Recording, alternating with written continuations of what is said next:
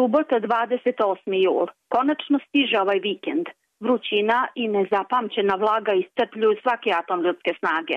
Poslednji je vikend u julu, kada se po tradiciji smenjuju turisti, pa su na srpskim putevima i granicama ogromne gužve. Kolone su duge kilometrima, a desetine hiljada ljudi samo tokom jednog dana pređe granicu Srbije. Nije lako na ovoj sparini sedeti u kolima i čekati u redu na carinsku kontrolu, ali moram da priznam da nije lako ni carinicima da izađu na kraj sa svim tim turistima koji nestrpljivo čekaju da stignu kući ili pak da ugledaju more. U mnogo lepšoj atmosferi ambasador Sjedinjenih američkih država u Srbiji Kyle Scott i ministar spoljnih poslova Srbije Ivica Dačić podigli su srpsku zastavu u rezidenciji američkog ambasadora i na taj način obeležili stogodišnicu Dana Srbije u Sjedinjenim američkim državama kada se srpska zastava zaviorila na Beloj kući u Vašingtonu.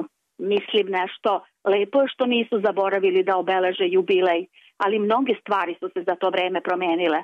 Niti je Amerika to što je bila pre 100 godina, niti je Srbija. Nažalost, najveći deo javnosti ne razume da prosečni Srbin i prosečni Amerikanac nemaju ništa sa nastalim konfliktima između dve zemlje i da je politika urušila sve što je bilo dobro. Večeras je finale Evropskog prvenstva u Waterpolu. Srbija se bori za svoju četvrtu šampionsku titulu protiv Španaca. Navikli smo da stalno pobeđuju, pa niko i ne pomišlja da delfini mogu da izgube. Nisu nas izneverili.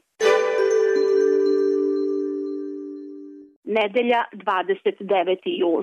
U javnosti se ovih dana priča da pojedine banke počinju da naplaćuju proveru stanja na bankomatu, povećavaju cene opomena koje šalju, naplaćuju transakcije putem e-bankinga i slično. Sasvim je jasno i bilansi banaka to pokazuju da je pad prihoda od kamata, što je osnovna delatnost bankarskog sektora, toliki da banke pokušavaju da ga nadomeste na svaki drugi način klijenti tu ne mogu previše da učine i jedino mogu da se raspitaju koja banka ima bolje uslove i promene banku. Ali malo je koristi od toga kad sve one imaju isti cilj, profit po svaku cenu. Ponedeljak 30. jul. Reprezentativci Srbije u vazduhoplovnom modelarstvu vratili su se sa evropskog prvenstva iz Senteša u Mađarskoj sa četiri odličija zauzevši prvo mesto u generalnom plasmanu. Još jedan veliki uspeh našim ljudima kojima su još samo igre ostale.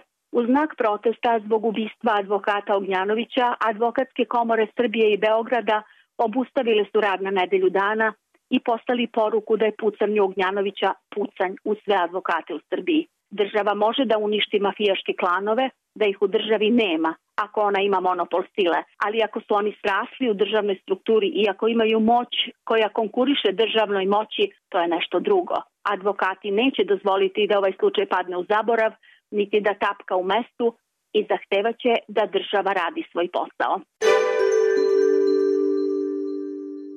Utorak 31. jul.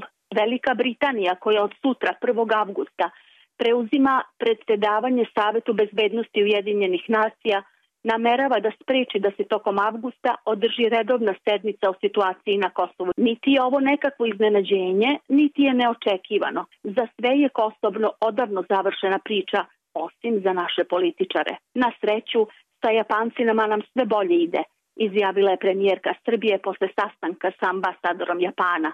Samo da naša diplomatija i ovde nešto ne zabrlja. Sreda 1. avgust.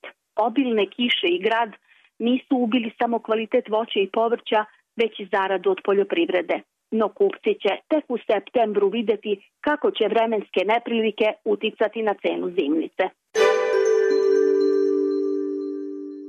Četvrtak 2. avgust. Jednog kragujevčanina izujedali su stršljenovi dok je šetao s psom po šumaricama.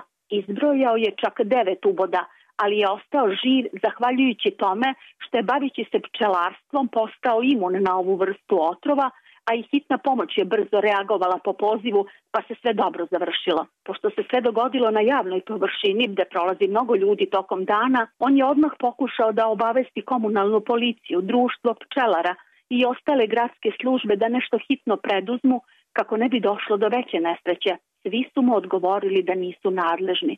Šta više, objasnili su mu da je stršljen zaštićena vrsta u Srbiji i da zbog njihovog ubijanja ili uništavanja gnezda može da plati kaznu od 500.000 do 2 miliona dinara, a može i u zatvor ako nema para. Nesrećnom čoveku nije preostalo ništa drugo nego da lično obavesti sve one koje poznaje da se klone ovog mesta. Petak, 3. avgust. Danas je svetski dan piva i od 2008. godine obeležava se svakog prvog petka u avgustu. Povodom toga objavljeno je da je, kada je reč o tržištu piva iz trećih zemalja, Srbija drugi po veličini izvoznik piva u Evropsku uniju posle Meksika. Prva je Nemačka, slede Velika Britanija, Poljska, Holandija. Proizvodnja piva unosan je posao, pa nisu za džabe kod nas prvo privatizovane pivare. Kupili su ih stranci, pa sad zarađuju milione, puneći limenke u našim pivarama, pa ih posle brendirane izvoze za Grčku, Hrvatsku, Bugarsku. A nije moralo baš tako. Eto šta uradi smo sa unosnim poslom, pa postane nam neko kriv. Poslednji dan radne nedelje završavam sa kolegama iz redakcije u kafani Stara Srbija, gde je godinama sastajalište novinara, uz pivo, naravno.